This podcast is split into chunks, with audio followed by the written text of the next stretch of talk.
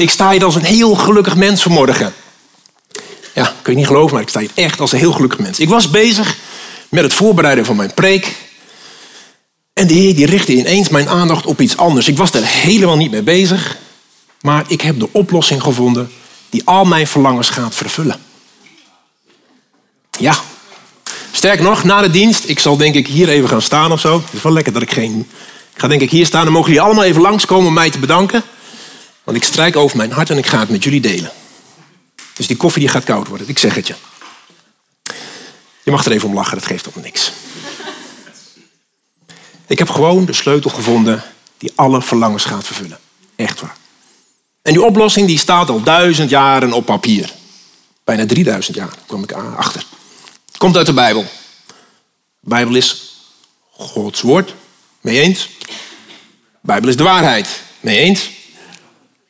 Goed zo. Ja, die is goed gelezen, ja. En ik kan ook niet eens, niet eens meer vertellen hoe ik nou hier bij dit Bijbelvers uiteindelijk kwam. Voor mijn dagelijkse Bijbel-readings, lezingen, ben ik eigenlijk in het Nieuwe Testament bezig. Maar uh, ik denk dat ik met zo'n die, die U-version app of zo, dan komen altijd van die one-liners naar voren. Ik denk dat die daar naar voren kwam, ik weet het eigenlijk helemaal niet. Maar het bleef weer eens, zoals gewoonlijk als ik moet preken, dan, dan blijft er zo'n vers die, die blijft bij mij hangen. Die blijft bij mij steken. En dat was ook hier het geval mee.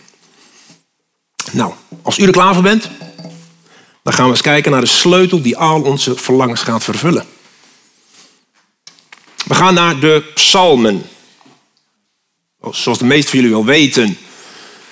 Psalmen, we hebben er 151. Dank u. Ja, even kijken of we wakker zijn. We hebben er 150, geschreven door David, maar niet alleen door David. Korach heeft er een aantal geschreven. Mozes heeft er ook nog eens wat geschreven. En zo zijn er nog een paar mensen. Maar ik wil zo direct even met jullie naar uh, Psalm 37 gaan. En dat is wel een psalm van David. En dat is een, uh, een behoorlijke psalm. Nog niet hoor, nee, nog niet. Behoorlijk lange psalm, dus die gaan we ook niet helemaal lezen. Maar dit is een psalm waar eigenlijk het, goede tegenover het kwade wordt gezet. Of het kwade tegenover het goede. En het is alsof David daar eigenlijk constant zegt van joh, let nou maar niet op die kwaaddoeners. Let nou maar niet op het kwade. Doe het goede. Want het houdt geen stand, dat kwade. En doe het goede en dan zul je er heel veel beloning voor ontvangen. Nou, en van al die versen die daar staan, bleef mijn oog steken op Psalm 37, vers 4. Verlustig u in de Heer. Oké, ik heb hier staan, schep vreugde in de Heer. Dan zal Hij u geven wat uw hart verlangt. Daar staat het gewoon. Zwart op wit. Nou lacht u niet zo hard meer, hè? Jij wel. Wanneer wij verlangens hebben, dan kunnen die verlangens dus bewaarheid worden. Als wij ons verheugen in de Heer. Het is eigenlijk heel simpel dus. Helemaal niet moeilijk. Geen uh, harde wiskunde. Simpel. Dus wat is uw verlangen? Ik zal u even de tijd geven om na te denken. Of misschien weet je het al gelijk van bam, dat is mijn verlangen. Misschien verlang je wel naar een andere baan. Misschien verlang je wel naar uh, wat meer geld. Misschien verlangt u er wel naar om een, eh, wereldreis te maken. Nee, niet. Loterij te winnen. Ook niet. Misschien een grotere auto, een duurdere auto. Ander huis. Misschien verlang je wel naar een relatie. Een andere relatie. Misschien wil je wel anders uitzien. En ik denk dat ik zo nog wel door kan gaan. Als ik zo hier eens even die rijen doorga, dan komen er best wel wat verlangens naar voren. Nou, moet je daar even een plaatje van maken in je hoofd. Wat zijn nou jouw verlangens? Dan gaan we dat eventjes, hoe gaan we dat even doen? Dus dan, dan heb je nu even het plaatje van je. Want iedereen heeft sowieso verlangens natuurlijk. Dan moet je nu vreugde scheppen in de Heer. En dan gaan die verlangens waarheid worden. Stel dat we dat zouden doen. En het zou ook nog werken. Kortom, het werkt niet. Ik verklap het alvast. Dan zou straks daar op die parkeerplaats zouden er aardig wat Porsche staan. Ik zou 25 jaar jonger zijn. Iets gespierder. Zonder bril. Maar goed. Nog. Wat zegt u daar?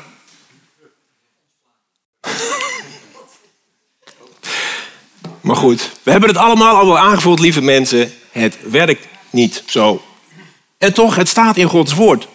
Dus wat moeten we ermee? Het is de waarheid op de een of andere manier. Maar hoe dan? Ik dacht van als we het nou eens even als een soort rekensommetje gaan bekijken. Als we het dan in een soort schemaatje zetten. Dat had ik willen doen op de beamer, maar ik weet, uh, ik, ik, moet, uh, ik, ik heb een vijf voor wiskunde op mijn examenlijst. Dus dat kreeg ik al niet voor elkaar. Oh. Maar als we het nou eens even als een rekensommetje gaan doen. Hè, dan ziet dat er ongeveer als volgt uit. Dan heb je, eens even kijken hoor, de, de, de verlangens van je hart. Ja, verlangens van je hart. Ja, even dat plaatje. Is werkelijkheid. Maar daarvoor, dit zijn dus mijn verlangens hè. Daarvoor moeten we vreugde scheppen in de Heer. Ja, heeft u? Dat is het rekensommetje. Maar dat is dus de verkeerde volgorde.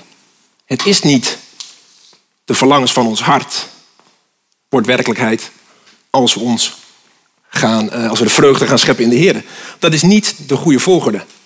Eigenlijk begint dit Bijbelvers begint met een soort bevel, met een opdracht. Namelijk, schep vreugde. Dat is de opdracht. En daar volgt dan die belofte. En dat is niet een gewone belofte, dat is dus een voorwaardelijke belofte. Want die verlangens van je hart, die krijg je als je vreugde schept in de Heer. En op zich leek het best wel logisch om te beginnen bij de verlangens van ons hart, toch? Denk als je kijkt naar deze maatschappij vandaag de dag, dan laten we ons best wel leiden door de verlangens van ons hart. Die bepalen ook heel vaak onze acties die we doen. Maar als we dit rekensommetje kloppend willen maken, dan moeten we dus beginnen bij de opdracht. En dit is het scheppen van vreugde in de Heer. Dat is überhaupt het startpunt. God is altijd het startpunt. Hij is het startpunt van het heelal. Hij is het startpunt van ons leven. En hij is ook het startpunt van dit Bijbelvers. En als je dat dan hebt gedaan, als het je lukt om vreugde te scheppen in de Heer, daar kom ik straks nog wel even op terug, dan kun je dus verder met die rekensom. Ik schep vreugde in de Heer, dan mijn verlangens van het hart, dan komt die Porsche weer, dan komt mijn leeftijdsvermindering weer. Of niet? Of niet? Want je zult gaan merken dat stap 2, jouw verlangens, die gaan veranderen. Uh, vreugde in de Heer scheppen en jouw verlangens, dat, dat gaat helemaal niet samen. Dat botst. Dat wordt, een, uh, dat wordt weer een vijf op je examen, als je dat zou doen. Het lukt niet omdat stap 1, vreugde scheppen in de Heer, dat zorgt ervoor dat automatisch die verlangens van je hart, dat die gaan veranderen. Hoe kan het dat vreugde in de Heer scheppen jouw hart of jouw verlangens verandert? Wat is dat dan? Vreugde scheppen in de Heer. Wat wordt daarmee bedoeld? Nou, het is eigenlijk heel eenvoudig. Vreugde scheppen in de Heer wil zeggen dat je, je ja, jouw blijheid, jouw vrede, jouw goede leven haalt bij God. Het betekent om te kunnen leven dat jij gericht bent op God. Dank je. Jouw leven ademt God, geleid door de Heilige Geest. Maar het vreugdeschep is eigenlijk alleen maar mogelijk als je de Heer leert kennen. Kortom, je moet er wel wat voor doen dus, voor dat vreugde scheppen. Dat komt je niet zomaar aanwaaien. Het vraagt een actie van jou. En zelfs bij die actie heb je Gods hulp alweer nodig. Je hebt zijn geest nodig om hem echt te kunnen leren kennen. Verdiep je in Gods woord. Lees dat door. Sta er met een, met een open hart in en vraag de Heer of hij het woord wil duidelijk maken. Bid. Praat met de Heer. En dan gaat jouw relatie groeien. De relatie zal verdiepen. En je zult ook zijn stem leren verstaan. En hoe meer je samenkomt als broers en zussen, ook hoe meer je door je broers en zussen heen God zal leren kennen. Vraag de Heilige Geest als hulp en je leert Gods kennen in al zijn schoonheid. Efesius 3, vers 17, die zegt daarvan, dan moet je maar even meeluisteren, want die staat ook niet op de beamer. dan zult u met alle heiligen in staat zijn om de lengte en de breedte, de hoogte en de diepte te begrijpen. Ja, de liefde van Christus te kennen, die alle kennis te boven gaat, opdat u geheel vervuld zult raken van de volheid van God. En eigenlijk is dat laatste, hè, dat je vervuld wordt van die volheid van God, is eigenlijk een soort kern van vreugde scheppen in de Heer. Als je beseft hoe belangrijk dat is, dan snap je ook wel dat die aardse verlangens niet meer daar kunnen staan waar jij ze eerst neerzette in jouw rekensommetje. Die, die, die verdwijnen naar de achtergrond. Gaat soms gewoon vanzelf. Vreugde bij de Heer, dat is de bron van het leven. Maar dan moeten we ons niet vergissen. Het is nog niet dat ik hier sta te zeggen dat daarmee alle ellende en alle problemen zijn opgelost. Dat wil niet zeggen dat we nooit meer verdrietig zijn. Dat wil niet meer zeggen dat we nooit meer moeilijkheden hebben. Dat zegt het niet. Maar vreugde in de Heer heeft te maken met de hoop die we in hem hebben. We kunnen het moeilijk hebben. Maar als het goed is, zijn we nooit zonder hoop. En die hoop die stijgt weer uit boven alle moeilijkheden. Vreugde scheppen, dat is dat je dagelijks stilstaat bij wat de Heer Jezus voor jou gedaan heeft. Ja, het is toch de Heer Jezus die voor jou aan, aan het kruis is gestorven, voor jouw zonde. Eigenlijk had jij de straf verdiend, maar Hij heeft het op zich genomen. Door zijn dood en door zijn opstanding hebben wij het eeuwige leven. Dat is toch eigenlijk geweldig. Hoe heerlijk is dat? Hoeveel vreugde zou dat alleen al niet moeten geven? Elke dag opnieuw. Ik begon even dat, dat, dat Bijbelvers met uitleg over die vleeselijke verlangens. En ik vond het wel mooi, want Amos die zei er ook eventjes iets van. Dat was heel, eh, heel mooi. En ik zei ook dat het voor onze mensen eigenlijk dat het heel gewoon is dat we daar, nou, dat, we daar eh, dat als uitgangspunt nemen. Maar 1 Petrus 2 die zegt ook dat we ons moeten onthouden van de vleeselijke begeerte of de verlangens die strijd voeren tegen onze ziel.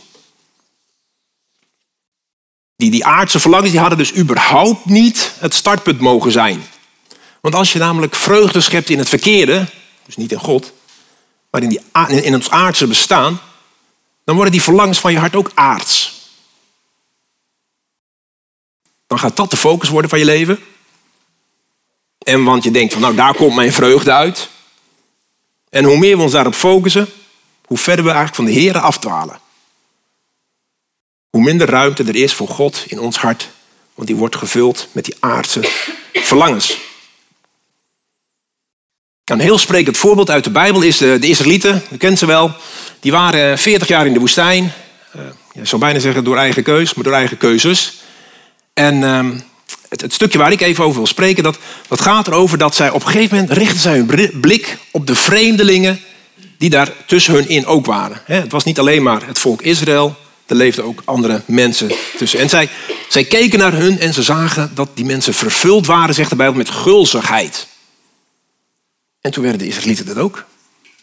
En die begonnen eh, steen en been eigenlijk te klagen. Die, die, die, die, die, die legden hun verlangens ineens op het aardse. Hier, wat er in nummer 11 staat. We verlangen terug naar de vis die we in Egypte volop te eten hadden. Naar de komkommers, de watermeloenen, de prei, de ui, de knoflook. Klinkt mij als de groenteafdeling van de Jumbo. Het is, ik wist helemaal niet dat ze het allemaal hadden. Maar er is niks geestelijks aan. Ze waren compleet gefocust op dat aardse. En het verblindt ze zelfs, want ze willen terug naar Egypte. Nou, als er iets een ramp was daar, dan was het Egypte. Hun, hun, ze, ze, they cry out. Ze riepen naar de heren van help ons uit Egypte en nu willen ze weer terug. Oppervlakkig, tijdelijk maar vervullend gevend is dit. Terwijl ze kunnen het ook anders hoor, die Israëlieten. Deuteronomium 5. Hadden ze altijd maar zo'n verlangen om mij te vereren, zei de Heere God. En om mijn geboden na te leven. Voor eeuwig zou het hun en hun kinderen goed gaan. Dus daar was hun verlangen op de Heer gericht. En daar geeft God er ook een enorme, diepe belofte aan. Vreugde scheppen in de Heer, dat is zeker, dat gaat diep en is langdurig. Vreugde in die aardse zaken, dat is, dat is vluchtig. Vervult maar heel eventjes. Eigenlijk heb je er niks aan. Als we naar de Bijbel kijken, dan zijn er heel veel voorbeelden natuurlijk van mensen die uh, vreugde scheppen in de Heer.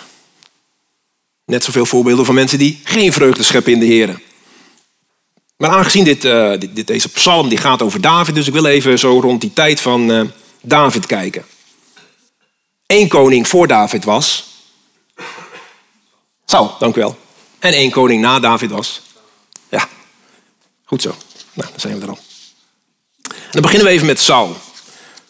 Saul die was uh, door God zelf aangewezen om koning te worden van Israël. En um, Saul die was in het begin was ook echt wel op God gericht. Maar het was eigenlijk maar, al, maar heel kort. Want al heel snel vergat Saul wat de Heer voor hem gedaan had. En je zag dat, dat Saul daar een beetje rondliep van, joh, ik ben de koning. Ik ben de koning. Hij, hij, schiep zijn vreugde niet meer uit, uit de Heer. Uh, ik, las het even door en ik, ik, dat is grappig, dan heb je dat al twintig keer doorgelezen, dertig keer doorgelezen misschien. En nu las ik weer iets dat ik denk van, god, dat wist ik helemaal niet.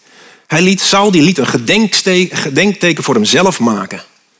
Dat is natuurlijk een enorme verering van jezelf. Hij had, als hij een gedenkteken had gemaakt, had hij het voor de Heer moeten maken. Maar hij vond zichzelf nogal wat.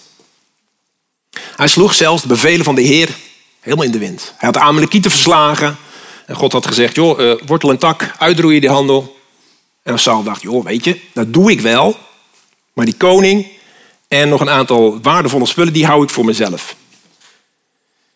En dat mocht niet van God, maar hij deed dat toch omdat hij weer vanuit zichzelf die vreugde zocht. En zo zie je, dan gaat het af, bergafwaarts met Saul. Steeds maar weer verder, steeds maar weer verder.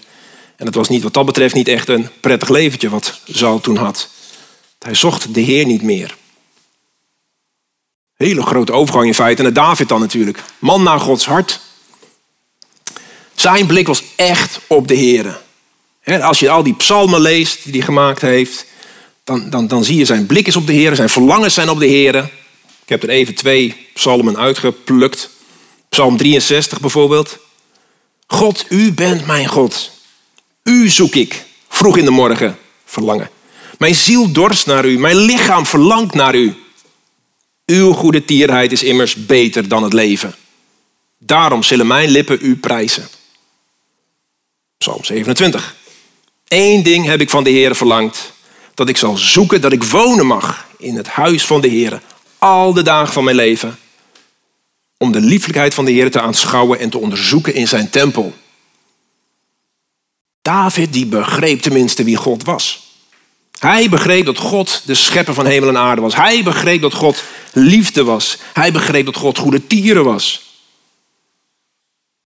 En dat alles, dat, dat begrijpen, dat zorgt er dus voor dat, dat je vreugde kunt scheppen in de Heer. En als je dan ook ziet wat zijn verlangens zijn. Hij wil in het huis van de Heer verblijven. Hij wil de Heer prijzen. Hij wil God zoeken. Hij wil de lieflijkheid van de Heer verder onderzoeken. Niks, geen enkel verlangen van, heren, ik wil meer land, heren, ik wil rijk worden. Dat werd hij wel. En dat kreeg hij ook, dat meer land. Maar dat was niet zijn verlangen. Dat, dat gaf de Heer hem. Het is misschien wel goed om even te zeggen dat niet al je aardse verlangens die zullen verdwijnen. Dat is niet zo. Sommige verdwijnen echt, tenminste ik heb het zelf mogen ervaren. En sommige blijven bestaan, maar die worden gewoon een stuk minder belangrijk eigenlijk. Je, brengt, je brengt ze als het ware onder de geestelijke verlangens. Eh, ja, je brengt ze daaronder en dan zijn ze ineens een stuk minder belangrijk. Misschien wil je nog steeds wel een, een mooiere auto. Ik bedoel, als eh, even tegen mij zegt, joh, heb je die Mercedes, dan zeg ik, hé, hey, bedankt. Heb je nog steeds een Mercedes? Ja. Ah, nee, nee, zie je wel? Dan klopt het gelukkig nog. Maar het is niet meer zo belangrijk, weet je. Je maakt het ondergeschikt aan de heren. Misschien wil je nog steeds wel meer geld, maar je maakt het ondergeschikt aan de heren. En al die verlangens die je misschien in je hoofd hebt, die aard zijn, maak je ondergeschikt aan het belang om Hem te prijzen, om Hem te loven, om Zijn wil te leren ontdekken. God gaat jou dan drijven in plaats van die verlangens. Het mooie bij David is eigenlijk, nou het is niet mooi, maar goed, hij liet ons ook zien dat hij ook maar een mens was. Hè? Hij was niet perfect. En dan denk ik natuurlijk aan het voorbeeld van Bathsheba. Bathsheba? Bathsheba. Bathsheba, sorry. Um, ja, precies, dank je. Daar had David zich eigenlijk ineens niet meer verheugd in de Here. Maar hij verheugde zich in Bathsheba. In al haar schoonheid. En met verschrikkelijke gevolgen natuurlijk. Dat waren echt verschrikkelijke gevolgen. Had hij op dat moment zich wel verheugd in de dan had hij misschien gezegd: Heer, dank u wel voor vrouwen die u zo mooi hebt gemaakt, wat dan ook. Maar er was niet gebeurd wat er gebeurd was. En toch was het een man naar Gods hart. dat laat zien dat ook wij, ehm, ja, we mogen fouten maken. Maar als ons basisverlangen is, is om vreugde te scheppen in de Heer, nou, dat is gewoon een hele belangrijke. En dat is bijvoorbeeld bij Saul niet het geval. Heel anders. Saul, David. En als laatste dan nog even naar Salomo. Kennen we ook allemaal wel. Salomo die in het begin... Um, God vroeg hem van, joh, uh, wat zou je willen? Nou, en in de plaats van dat Salomo zegt... ik wil inderdaad meer rijkdom, ik wil meer legers, ik wil... Hij had van alles kunnen noemen. Maar hij zei van, nee, ik wil wijsheid hebben om uw volk... dat u aan mij gegeven hebt, om dat te, te regeren. Nou, dat is natuurlijk een prachtig. Hè? Je ziet dat hij helemaal eigenlijk vreugde schiep in de Heer... want hij begreep wie God was. God was daar weer blij mee. En die gaf hem ook nog, naast die grote, grote wijsheid, gaf hij hem ook een heleboel aardse verlangens. Dat kan in die zin best wel samengaan. Maar het punt is natuurlijk dat Salomo eigenlijk ook aan het afglijden was. Later in zijn leven zie je dat hij afglijdt. Um, hij had natuurlijk heel veel vrouwen. Heel veel vrouwen. En de Bijbel zegt ook dat die vele vrouwen er de oorzaak van waren dat het hart van Salomo afdwaalde. Hij was niet meer op God gericht. Zijn vreugde lag niet meer in de Heer. En, en, die vrouwen, je zou kunnen zeggen dat is een beeld van de afgoderij. En dan moeten wij mannen daar misschien nog letterlijk voor oppassen, voor de vrouwen. Maar wij allemaal moeten, moeten geestelijk gezien oppassen voor de vrouwen, voor de afgoderij. Dat we niet gelijkvormig worden aan deze wereld. Dat zegt Paulus al. We moeten op de Heer gericht blijven. David die liet zien hoe we vreugde scheppen in de Heer. En de zonde als met, met Bathsheba nog steeds als een waarschuwing dat we dat niet moeten doen. En tegelijkertijd laat het ons zien, we mogen uh, fouten maken bij de Heer. We mogen zondig. Als we om vergeving vragen, dan krijgen we dat. Gisteren was ik als uh, vertegenwoordiger van Werk Nederland was ik, uh, nog net op het laatst naar een begrafenis geweest. Uh, ik dacht van ik kan niet, want ik moet nog die hele dag aan mijn preek werken. Maar dat ging gelukkig, prijs de Heer, iets sneller dan, ik dan dat ik dacht. En uh, daarom zei van, joh, die, die begrafenis die is er, ga je erheen. Dat was de vader van een van onze werkers, die was overleden. Maar het waren hele trouwe bezoekers van onze open dagen. En ook gewoon als een, als een teken naar de werker toe, als een stukje respect. Dacht ik van, ik, ik ga daar toch heen. En het was een hele indrukwekkende dienst. Het was niet alleen maar zo omdat Wim de Knijf en Henk Binnendijk daar waren. Ik stond even te kijken. Dat werd later duidelijk. Het bleek namelijk dat, dat deze man die overleden was, die stond aan de wieg van de EO Kinderkrant. Geweldig toch? Dus dan gaven ze allerlei uitleggen. En um, nou ja, Wim zei van ik was het gezicht.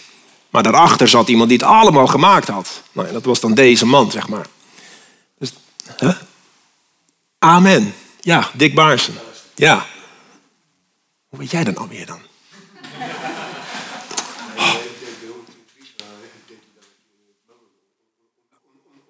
Geweldig. Oh, wat mooi, wat mooi. Nou, prachtig. Um, nou ja, wat het zo indrukwekkend maakte, is dat eigenlijk die, iedereen die over hem praatte, die praatte erover hoe hij dagelijks zijn vreugde vond in de Heer.